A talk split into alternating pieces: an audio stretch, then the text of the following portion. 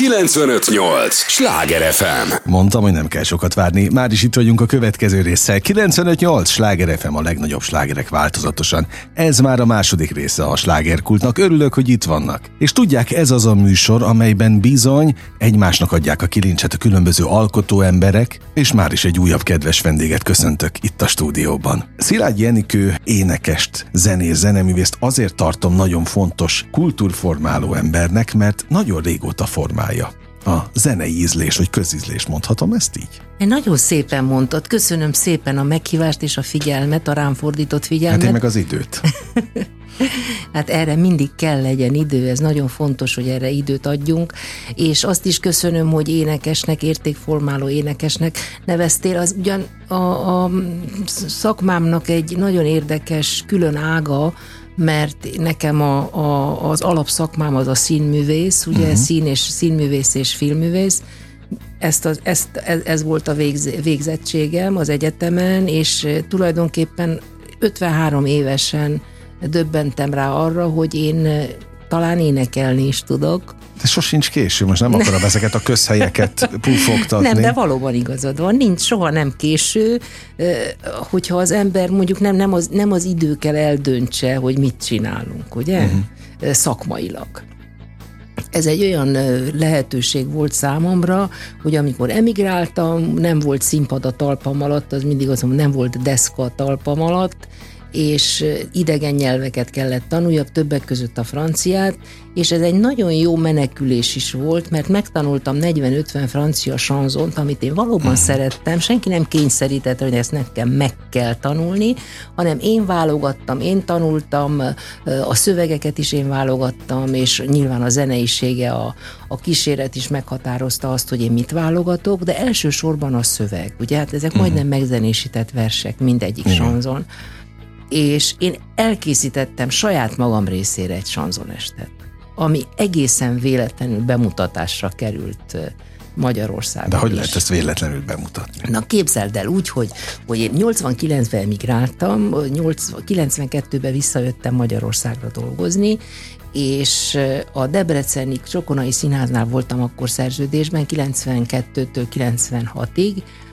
és a Zeneakadémia igazgató nője év végén szervezett egy olyan koncertet, ahol a színészek is énekelhettek. Uh-huh. És az igazgató engem is fölkért, hogy hát ha valamit szeretnék énekelni, akkor miért ne? És mondtam, hogy hát én nem vagyok egy igaz, énekes színész. Én addig igazán nem énekeltem, drámai szerepekben játsztam, és, de mondtam, a néhány francia sanzont, hogyha esetleg belefér a műsorba, akkor én azt szívesen elénekelném. Aha. És akkor ez így történt, hogy én francia sanzonokat énekeltem hármat vagy négyet, előadás után pedig a Zeneakadémia igazgatónője bejött az öltözőmben, és azt mondta, hogy ő szeretne ebből én többet énekelnék, ha van. Mondom, van, vagy 40. Azt már rendben van, akkor az őszi fesztivál te fogod nyitni. Na így indult el ennek a sanzonesnek a karrierje Debrecenben, 92-ben. 90, 90-ben. 99-ben. Ja, hogy még később. Jó, azért Kicsit, értettem igen, el, igen, 89-ben igen, volt az... 89-ben hagytam el Romániát, uh-huh. és 92-ben tértem vissza Magyarországra. Uh-huh. Jó, nem Tehát véletlen... három évre rá, igen. Oké, okay, nem véletlenül beszélgettünk, ezt mondjuk el a hallgatóknak, mert április 28-án a Pébelsberg kastélyban lesz himnusz a szerelemhez címmel, ez a bizonyos. És kérdezem, ez az a bizonyos sanzones? Tehát Igen. minden arra épül, arra a gerincre műsorra, ami ott igen, erre, akkor erre, létrejött? Akkor lét, Persze többé-kevésbé, mert ugye nagyon-nagyon variálható hát anyag, nyilván, ugye? Nyilván. Az Edith Piaf, ugye mivel Magyarországon sokkal ismertebb, mint a többi francia zeneszerző és előadó művész, hát elsősorban Edith Piaf és Jacques Brel képezi a gerincet, és erre szépen ráöltöttem Barbarát, a Barbara Brodit, aki, aki egy nagy szerelem számomra, és egy nagy felfedezés és nyilván, hogy a megzenésített versekhez tartozik ugye egy Picasso örökké valóság, amit nekem írtak, a Jean Musi mm. nevű zeneszerző, aztán egy UNESCO csodálatos, a Le Fantôme, a Kísértetek című verse, ami megzenésített, tehát úgy átbillentettem egy picit az ott létemmel, ugye ott voltam 14 évet Párizsban, uh-huh. és hogy átbillentettem ezt a sanzon világot abban a periódusban, amikor én dolgoztam, és én énekeltem ezeket a sanzonokat, egy picit az irodalom fel, tehát inkább az irodalom felé. Tehát a, a nagy költők és a nagy drámaíróknak a, a verseit próbáltuk elővenni és, és megzenésíteni, ami nagyon érdekes módon sikerült a Vivien Villani olasz származású francia zeneszerzővel és a Jean Muzivel, aki most nagyon nagy nevű filmzeneszerző, ő ezeket a verseket megzenésítette nekem, és aztán arról nem is beszélve, hogy a Goncourt a Jean Rouault nevű kiváló kortárs írónk, aki, aki verseket is írt, azok fölajánlotta a verseit, hogy azokat zenésítsük meg, és hogy azokat én énekeljem el. Kevés színész énekel. Tehát egészen más, amikor színész énekel. Másképp adod előadalokat. Uh-huh. Ezért érdekes az, hogy a szöveg az mindig elsődleges kell legyen, mert hogy miről beszél. Há, hogyne, hogyne, a téma. A téma, hogy gyönyörű a zene, de általában a szöveg mindig az első, amikor én választok, vagy amikor összeállítok egy műsort. Na hát szóval a, a Klebersberg kastélyban remélem nem fogok csalódást okozni, nagyon sok ismert sláger is, de ugyanakkor kevésbé ismert dal is el fog hangzani. Egy kiváló zongoristám van, Tassonyi Zsoltnak hívják, aki egy ragyogó karmester is, és egy kiváló zongorista. Úgyhogy ő fog engem kísérni. Tavaly volt egy sanzon estem az Uránia Filmszínházban, az volt utoljára Magyarországon a tavaly, tavaly nyáron. Ezek kuriózumnak számítanak minden évben, vagy pontosabban amikor ezek vannak. De ahogy hallgatlak, most két nagyon fontos kifejezés jutott, vagy jelző eszembe, az értékmentés és az értékőrzés mert az, hogy te értetted a francia sanzont, az, az egy számomra, külső szemre egy nagyon komoly misszió. Hol tart most egyáltalán a francia sanzon? Az emberek megítélésében mit tapasztalsz? Franciaországban hanyatlóban van. Én amikor Franciaországban, ér, Franciaországba érkeztem, már akkora azok a azok a ismerősök és azok a hallgatók, majd akik barátok is lettek egy adott mhm. pillanatban, uh-huh és olyan, olyan személyiségek is, mint ugye a Malraux család, azt mondták, hogy Franciaországnak a kultúrája haldoklik, és ez volt 2006-ban. Uh-huh. És hogy a sanzon az valahol befejeződött Brellel, Barbarával és Musztákival és Juliette Grékóval, ugye Juliette Grékó már 80-an fölül volt, és azokkal a nagyokkal, akik, akik nem csak hogy előadták, hanem meg is írták, azaz, azaz kreatőrök voltak, azaz hmm. ők megírták a szöveget, mint költők és zeneszerzők is hozzájárultak ehhez a sanzonhoz, a sanzonnak a megteremtése. Hmm. Kihaló filmben, most már könnyű zenéről beszélünk. Persze minden ami minőség, az minden érték, ugye? Tehát az lehet Hát én azért mondtam, lehet, hogy érték, csak a sanzon, őrzés. Csak a sanzon az egy más, tehát az nem a könnyű zen. De az nem ilyen nemesebb az én felfogásomban. Azért nemesebb, mert tartalmas a szöveg. Uh-huh. Mert, mert épp erről, hogy meg, megzenésített versek, vagy maga Jacques Brel írta a szövegeit. Hát Jacques Brel költőnek tartották, ő nem tartotta magát annak, de hát költészet. A Barbara szintén, ugye? A Barbara igen, művei, igen, igen, a, igen. A, a, a Gilbert Becco, ugye, uh-huh. a Charles Navour szövegek, ezek értékek. Ott van a Georges Mustaki, ugye, a Juliette Greco, aki kimondottan csak megzenésített költeményeket énekelt, ugye? És, és Jean-Paul mhm. Sartre járt az előadása, és Simone de Beauvoir, Jean-Paul Sartre és Albert Camus írt neki szövegeket. A sanzon nagyon közel áll az irodalomhoz. És ezért nemes, nemesebb a, a, uh-huh. a hogy mondjam neked, nemesebb az a közeg, ami, amibe bekerül, és talán az, azok az emberek, akik látogatják, azok is közelebb állnak az irodalomhoz, és az, itt tulajdonképpen nem a hang a fontos, tehát hogy milyen csodálatos hangod van, hanem az, hogy hogyan tudod előadni. Ha ez a kettő párosul, az egy különlegesség, mint Edith Piaf, ugye? De hát Jacques Brelnek, Bekónak, hát az ereje, Barbarának az ereje, az az előadásmód mm. volt, hogy hogyan a Juliette Gréco, úgy hát inkább Talán. a sanzon beszéd és a párlándó és a, és a, a dal között van de mindenképpen a szellemnek és a léleknek a, a, a megszólalása. Következik egy mondat, ismerős lesz, te mondtad. Koncert, amely lélektől lélekig szól, amely életünk legfontosabb témáit tárja elénk, választ várva, vagy válaszra várva, és megoldásra. Válaszokat kapunk? Van, amikor igen.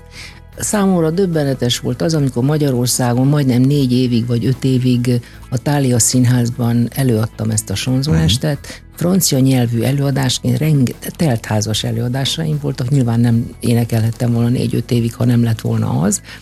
És spontán módon kommunikáltam magyarul a közönséggel. Tehát abban a pillanatban, amit éreztem, vagy gondoltam, uh-huh csak, csak hangulati beszélgetés, az, az kommunikálás volt.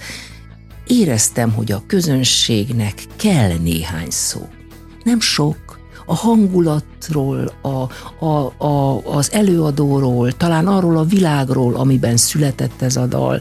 Például Flandriáról, és ugye Flandria hmm. nagyon hasonlít Magyarországra, ugyanolyan pici, ugyanolyan alföld, és ugyanannyira nem beszélik a nyelvüket, mint a miénket, ugye? Nagyon érdekes kapcsolódásokat éreztem meg én akkor, amikor ugye ott éltem 92-től, és úgy fél lábbal még mindig, hogy nagyon-nagyon sok a hasonlatosság közöttünk. Uh-huh.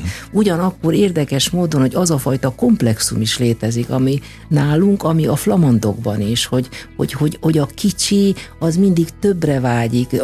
Szeret, Csak azért is. Igen, hogy jobban akarja, meg akarja uh-huh. mutatni magát, tehát ők több nyelven beszélnek, ők, ők minden nyelv, angolul, franciául, németül megszólalnak, hol a például vallónok csak franciául beszélnek, nekik az elég. Viszont a flamandnak Aha. nem elég, ő beszél négy-öt nyelvet. Uh-huh meg akarja mutatni magát. Igen. És ez, ez ugyanakkor nagyon szép, és ahogy ők élnek, és, és az a fajta törekvés, hogy igenis létezzünk a világ számára. 95-8 sláger FM a legnagyobb slágerek változatosan, ez továbbra is a slágerkult, amit hallgatnak.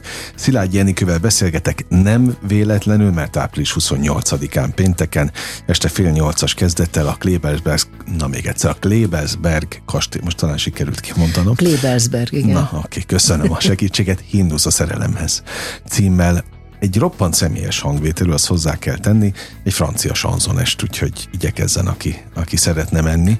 Miért volt neked az fontos, hogy, hogy visszatérj Magyarországra, még ha fél lábbal akkor is? Meg hogy legyenek itt folyamatosan előadásaid. Ha már egyszer elmentél. Én többször elmentem. Tudod, az a helyzet, hogy én, én Romániából elmentem Erdélyből 89-ben, uh-huh. Mhm. elmentem Németországba, Hollandiába, aztán Belgiumba telepettünk le a férjemmel, onnan visszajöttem Magyarországra 92-ben, 1992-től 2006-ig Magyarországon dolgoztam, Debrecenben, Kecskeméten és Budapesten, budapesti uh-huh. színházaknál, utána pedig a Tália színházból mentem el Párizsba 2006-tól 2019-ig. De nagyon érdekes. Közben nyilván voltam itthon, meg játszottam Kolozsvári Színháznál is, vendégszerepeltem, meg a sanzonestjeimet is rendszeresen hívták, és 2019-ben Marosvásárhelyen egy nagyon fiatal rendező, akit én még gyerekkorából, diákkorából ismertem, akkor én már elég sikeres színésznő voltam, ha megengedhetem magamnak ezt a kifejezést, és ez a fiatal rendező engem visszahívott, hogy egy női főszerepet adna, és ő vállaljam el. 2019-ben. Na, így kerültem vissza. Marosvásárhelyen ezt a szerepet eljátszottam, és ott engem a Balázs Zoltán ragyogó színházrendező meghívott Budapestre, a Budapesti Operett Színházba, hogy a Nine című musicalben a Lilian Lafleur szerepét játszam el és erre lehetőséget adott az Operett Színháznak a főigazgató csodálatos énekese, Kisbé Attila, aki, aki nagy szeretettel és nagy bizalommal fogadott, és rám bízták ezt a szerepet. Tehát nagyon érdekes, hogy soha nem megszervezett, és soha nem menedzselt az én munkám. Tehát mm. engem Párizsba 16 évig úgy dolgoztam folyamatosan, hogy nekem soha nem volt menedzserem. Szóval ez egyszer elképesztő, mert én se tudtam elfinni, hogy, hogy így működhet, hiszen nem létezik. De igen, hát engem mindig meghívtak, megnézték az előadásomat, és mindig valaki előadásról előadásra születtek az előadások. Tehát ez a klasszikus szájról szájra?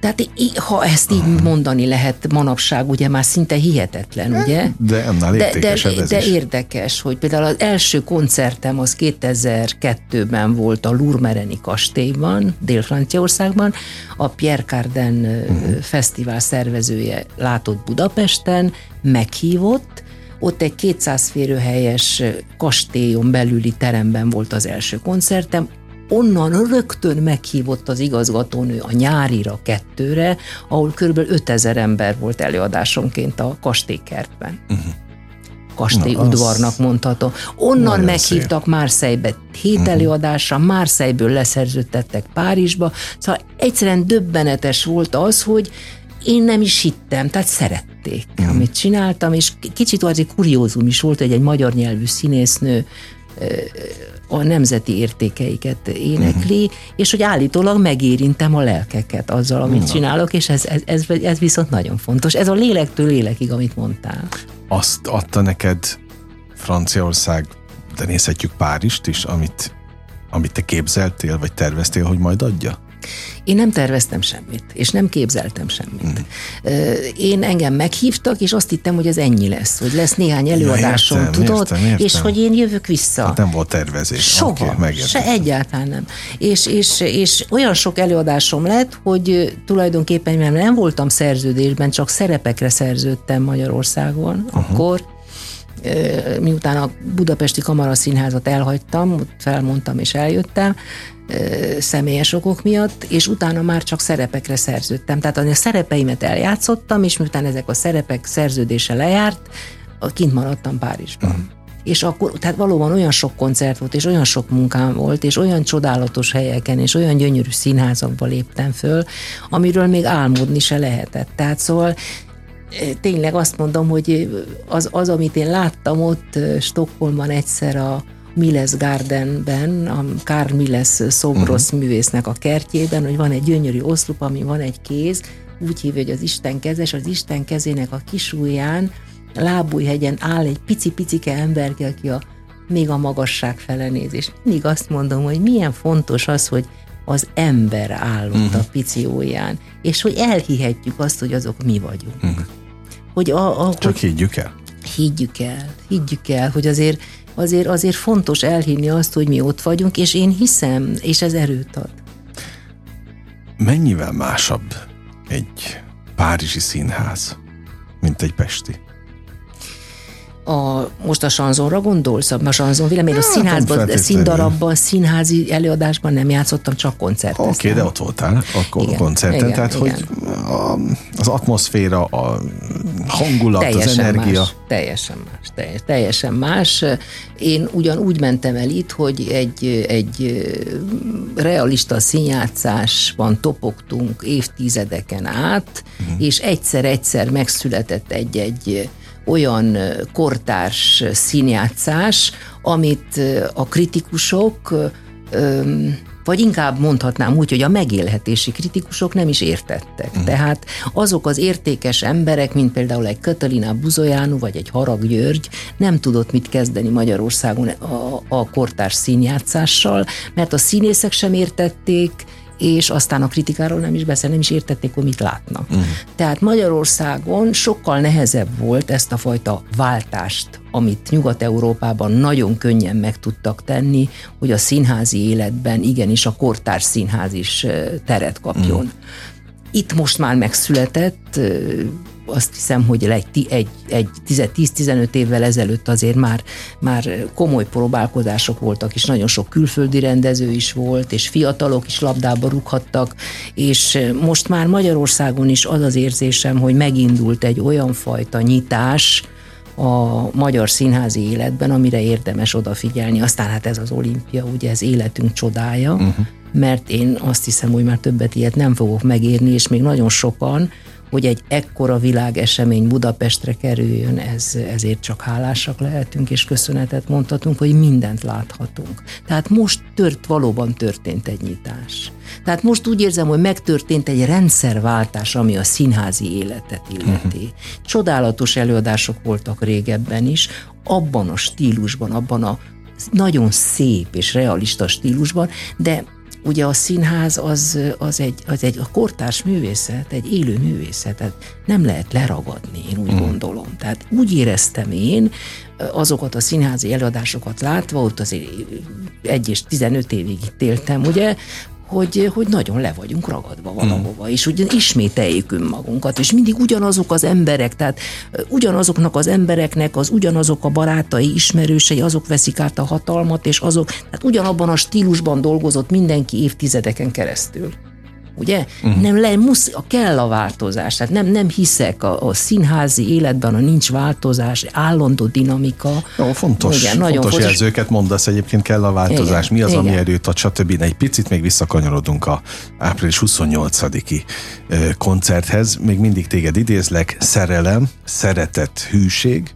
barátság, hit, küzdelem, csalódás, öröm és bánat, és még sorolhatnánk, Igen. de éljük meg együtt nyitottan, befogadóan és intenzíven.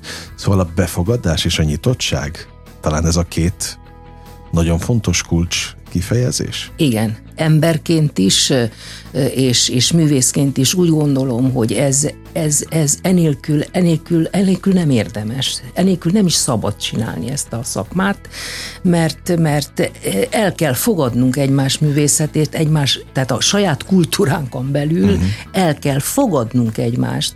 Én nem hiszek abban, hogy azt mondom, hogy én abban a színházban nem teszem be a lábamat, mond kritikus. Én nem hiszek abban, hogy egy színházi kollega úgy meg tud sértődni valamiért, hogy nem megy el megnézni egy előadást egy másik színházban, még akkor sem hoz egy nagyszerű előadás. Én ebben nem hiszek. Uh-huh. Ez egy olyan beteg szellem, szellemiség, és egy olyan beteges hozzáállás, főleg a kulturális életben, ahol tényleg a nyitottság, a befogadás, tehát nem, nem tudunk tovább lépni. Hát nem lehet, hogy ne tudjuk megfogni egymás kezét. Uh-huh. Ha bizonyos dolgokban nem értünk is egyet, de mégiscsak van egy közös cél. Hmm. Mégiscsak meg kell tudjuk fogni egymás kezét, meg akkor is, ha nem egyformán gondolkodunk bizonyos dolgokról. Tehát az a szép, a sok sokszínűség. Tehát ez az, hogy el tudjuk fogadni egymást, hogy szóba tudunk állni akkor is, ha nem tudunk egyetérteni valamiben. A, attól még nem szűnik meg az értéke a másiknak, mert nem éppen úgy gondolkodik, mint én. Fontos mondata, fontos gondolatok. Remélem, hogy ezen majd nagyon sok hallgató elgondolkodik. Ez a misszió egyébként, hogy adjon olyan útravalókat, amelyen érdemes még másnap is gondolkodni. Mi a, az igazi öröme? Talán azt hiszem így helyes a kérdés egy-egy ilyen koncertnek. Az, hogyha látod a közönség soraiban a, a csillogó szempárokat, mert azok azt jelentik, hogy tényleg kellően nyitottak és befogadóak? igen, ha még, ha még ha ezt nem is igazán tudom figyelni előadás közben, de érzem inkább. Na, Ér, igen, igen. Okay. Tehát, hogy érzem, érzem a csendekből, érzem a figyelést, érzem a, érzem a lélegzetvételüket, uh-huh. és ez borzasztó fontos. Ugye általában kis termek, bocsánat, persze nagyon nagy 900 ezer férőhelyes termekben is dolgoztam, de mégis ez csak egy intimebb műfaj. Uh-huh. Tehát amíg a kis abszolút, teremben vagyok, abszolút. akkor mikrofon nélkül énekelek, és az ongora sincs behangosítva, és az, az valóban egy lélektől lélekig való dolog. Tehát, minthogyha egymás fülébe sugnánk valamit, ami fontos. És engem mindig az döbbent meg, hogy az emberek sokat sírnak az előadásom alatt. Aha. És hogy könnyes szemmel jönnek be az öltözőnbe, hogy megrázó volt, és hogy művésznő mindent értettünk. Hát az a katarzis számuk? Hogy ez lenne, hát remélem, hogy valamilyen szinten igen hogyha ilyen szinten megérinti őket, és hogy nem értik, amit mondok, mert nem mindenki beszél franciául, nem mindenki ért franciául, aki uh-huh. eljön az előadásomra, és ezért mondom, hogy lélektől, mert valami eljut, valami nagyon fontos megérinti őket, hogy mindent értettünk művésznő, drága. Uh-huh. És ez, ez nem csodálatos? Abszolút, Tehát, hogy a, a szavakon abszolút. kívül, a szavak mellett és a szavak fölött és a szavak mögött vannak olyan erők, amik uh-huh. hatnak az emberekre, még anélkül is a szó szerint értenék, amit hallanak. Hogy van a mondás jó társaságban, repül az idő. Képzelj el, hogy vége van. Hihetetlen. Lejárt, le, esküszöm pedig. Hallgatnám még sokáig, Nagyon de hát majd köszönöm. akkor április 28-án ott a Klebersberg kastélyban sikerült kimondanom. Igen, szeretettel várunk minden rajongót. Igen, himnusz a szerelemhez, Szilágyi Enikővel beszélgettem, és még sok ilyen előadás legyen itt a, a magyar fővárosban is természetesen. A hallgatók idejét is köszönöm, nem csak Szilágyi Enikőjét, és azon túl, hogy majd találkozunk ott a, a koncerten, most ugyan bezárjuk a slágerkult kapuját, de holnap ugyanebben az időpontban ugyanitt természetesen újra kinyitjuk. Élményekkel és értékekkel teli perceket, órákat kívánok mindenkinek az elkövetkezendő időszakhoz is. Engem Esmiller Andrásnak hívnak, vigyázzanak magukra. 958! Sláger FM!